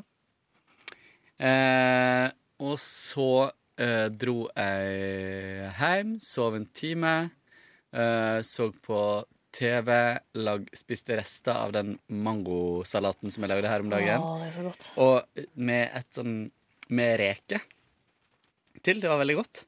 Jeg bare skrella reker og spiste det. Mm. Og så så jeg på uh, Så jeg på en veldig uh, kul dokumentar på um, NRK3. Eh, er ikke Stephen Fry han heter, han skuespilleren? Jo, han som gifta seg med en sånn megaung gutt. Han er gammel. Ja, han er gammel, men han uh, var veldig kul. Han, det er en sånn eh, Han så eh, jeg på Graham Norton-show på eh, en eller annen dag på BBC. Ja. Han har iallfall lagd en dokumentar om der han reiser rundt i forskjellige, forskjellige land og sjekker ut eh, homofobi. Ja. Eh, og han var blant annet i Russland og snakka med eh, politikere og sånt, og han tok det så sjukt hardt. Så jeg tenkte shit, at han tør, liksom. Og eh, frykt for å bli fratatt eh, eh, opptaker og sånt, tenkte jeg. Men det gikk bra. Han fikk eh, virkelig satt det på plass. Så var han i India en tur og snakka med folk der, så ja, fin, fin documentary. Ja, det gikk kanskje på nett-TV, da. Ja, og så la jeg meg antagelig klokka halv ett, altså. Det var sent? Altfor seint. Hva er det du holder på med? Jeg vaska leiligheta. Jeg vaska hele leiligheta fordi Og så var jeg nede i kjelleren og henta min lille triller-koffert Ah. til turen. Fordi jeg elsker å komme Nå var det skikkelig rotete og skittent her. Jeg elsker å komme tilbake fra tur og ha strøken leilighet. Det gir meg nesten større glede enn sjølve turen av og til. Ja. Så da Så da er det gjort. Ja, smart. Mm. Det var jo egentlig det jeg òg skulle gjøre i går. Eh, på tirsdagen der jeg hadde liksom en ledig dag, så jeg skulle gjøre masse praktiske ting. Rydde og ordne og sånn. Men så fikk jeg plutselig tilbud om å være med på musikal. Eh, og da tenkte jeg sånn og så var, hørte jeg på Juntafil, nei ikke Juntafil, Hallo P3, og så sier eh, Tuva, eh, programleder der, i dag, da, da vi, i dag kan vi bare gi litt faen. Så da tenkte jeg OK. da, da gir jeg faen. Hva slags rolle fikk du? Være med på musikalen. Er det Fantin? Roxy. Fantin. Jeg var Roxy i uh, Chicago. Herlig. Sånn var Sean. Nei, altså, jeg var på publikummer. Vanlig publikummer. uh, og kosa meg veldig, altså, på musical. Ja, jeg, li- jeg liker det veldig godt. Hvor var det? På det nye Oslo Nye Teater, er det ikke det det heter? Jo. Hva synger de når jeg skal synge All That Jazz? Nei, de, nei de, sangen var på norsk, men de sang All That Jazz oh, ja. i, i refrenget. Ja, det syns jeg høres greit Ja, det ut, ass. Mm. All den jazz. Hva synes du om musikalfilm? Eller filmmusikal? Jeg liker det meget godt. Er det sant? Ja. Hater det. Jeg, ha, jeg hater det virkelig mye. Hei, Ulla! Hei! Nei, OK, sorry, men det er jo helt forferdelig. Nei, jeg syns det er helt konge. Jeg er helt med deg, Silje. Jeg har sett Mamma Mia kanskje 100 ganger, om det fordi jeg Er det musikal? Elsker Meryl Streep. Det er jo musikal. De bryter jo ut i sang Ja, både tids og ofte. Ja. Det er kanskje eneste filmmusikalen jeg kan se på grunn av Meryl Streep. Fy faen, hun er så bra, Hun er altså. så rå. Hæ, hva med Les Miserables? Nei, jeg orker Nei, den likte jeg ikke. Åh, elsker den. Nei, men jeg bare nekter å se det. Jeg orker ikke. Man, det er jo helt forferdelig. Så begynner man å synge midt i ei setning. Det er jo helt utrolig. Altså, det er jo At det går an? Ja, at det går Men liker du ikke musikal eh, i seg selv heller? Jo, jeg gjør jo Jeg kan jo På dra på en musikal, Mm. men uh, Ja, men Nei, det er ikke Ikke min favoritt. Favorittfilmen min er Cats. Mjau. Det var ikke den du så i går. Nei, i går var det Chicago. Og det som er, eh, i Cats, det som jeg liker så godt der, er at eh, i den der kattegjengen så er det to katter, to damekatter, som helt obviously har noen greier på gang. Og det syns jeg er så spennende. Du får liksom aldri, vi- du får liksom aldri noen uttelling for det, men du bare vet at som ble skapt, var jo eh, sikkert eh, Det hadde blitt dårlig stemning hvis to damekatter skulle finne på å ha noen affair. Hvis de legger til en Drop That Kitty Ja. i den musikalen, så kanskje vi kan gå og se den, eller? Men er det fra Cats, den låta? Ja. Det tror ikke Nei, jeg. det er kanskje ikke det. Men Over the Rainbow, den er fra Cats. Nei! Nei, men hva, det er ikke den. Men hva heter den? Den heter den der Den er sånn uh, Hun står alene Ja, Memories memories. Not a sound from the pavement. Å, det er så fint! Det er drømmen min, er å se Cats uh, i eh, eh, den har blitt i helvoldtatt, den låta der, av alle som har deltatt på Ungdommens kulturmønstring. Jeg tror faktisk jeg har sunget mjau på kulturmønstringa også, så Valgte du ikke Memory? Nei, det tror jeg ikke. Hva gjorde du på i går, Øyla? I går så sto jeg opp kvart over fire for å starte her. Hvorfor sto du opp så tidlig? Fordi at man trenger jo litt tid, ikke sant. Det er bane og sånt, og så, og så må man jo slumre i et kvarter. Ja. Så jeg, jeg sto vel opp halv fem, for å være helt ærlig. Var her. Knallkoselig. Kosa meg. Um, og så slo jo jeg og Silje følge ned til byen, for jeg skulle handle litt sånn Jeg har så lyst på en sånn weekendbag til denne turen vår. Skjønner dere hva jeg mener? En skinnbag? Det koster jo millioner av Du, kroner. Det var, sånn, eh, det var tilbud i går, men jeg kjøpte jo ikke, for jeg klarte ikke å bestemme meg. Fordi den hadde sett meg ut i mer sånn polyester. Den var jo Det var jo eh, fjorårets, så det, det var kommet ny. Men så eh, skal jeg også handle bursdagsgave til min kjære mamma, som har bursdag neste uke. Du vet, man må sende til nord. Tenkte liksom, hva i alle dager skal jeg kjøpe? Bok. Bok. Nei, vet du hva? Jeg, da blir det bare sånn sagaen om et eller annet. Isfolket? Ja, 47 bøker, vær så god, mamma. Her har du noe å holde det på med. det blir så tungt å sende. Så jeg tenkte kanskje treningstøy, for at hun har jo meldt seg inn eh, Frisk og Svettis? Nei, du, vi kom fra ei lita bygd. Det er et sånn knøttlite treningsrom. Du kommer fra. Tromsø? Jeg kommer jo fra Ringvassøya i Karlsøy i Troms. Å ja, OK, sorry. Ja, og der er det liksom et lite treningsrom hos eh, fysioterapeuten. Hva heter det? Han eh, Jeg vet ikke om det heter sånn Kurt Skym, eller men, men han fysioterapeuten Han heter Kurt. Han heter Kurt. Uh, så der har mamma begynt å trene. Hun liksom operert et kne. Da. Så jeg tenkte kanskje treningsklær. Ja. Hun, ja, og så tenker jeg at uh, hun er liksom Hun er veldig slank. Kompresjonstights, da, eller? Nei, jeg tenker Jeg vet ikke om hun har gått i sånn tights på trening før. Og så blir jeg liksom bekymra. Enten var de for rosa, eller så er de for dyre. Jeg har ikke lyst til at hun skal være sånn 63 år gammel som hun blir det. Eh, du vet sånn wannabe eh, et eller annet. Så det var vanskelig å finne den balansen, så jeg utsatte det til i dag. Men da har du noe å gjøre i dag, da. Det er godt. Ja, men eh, apropos jogging. Jeg skulle jo på trening sjøl. Eh, gikk rett forbi. Dro på Rema, kjøpte meg De har jo altså de der singelporsjonene de har med mat hele tida. Oppdaga salmalaks. Liten porsjon. Mhm. Det hørte jeg du snakka litt om. Droppa det. Gikk for uh, svinestrimler på uh, til 20 kroner. Deilig. For jeg hadde noe søtpotet hjemme, så jeg miksa og triksa litt ikke sant? av ting man hadde.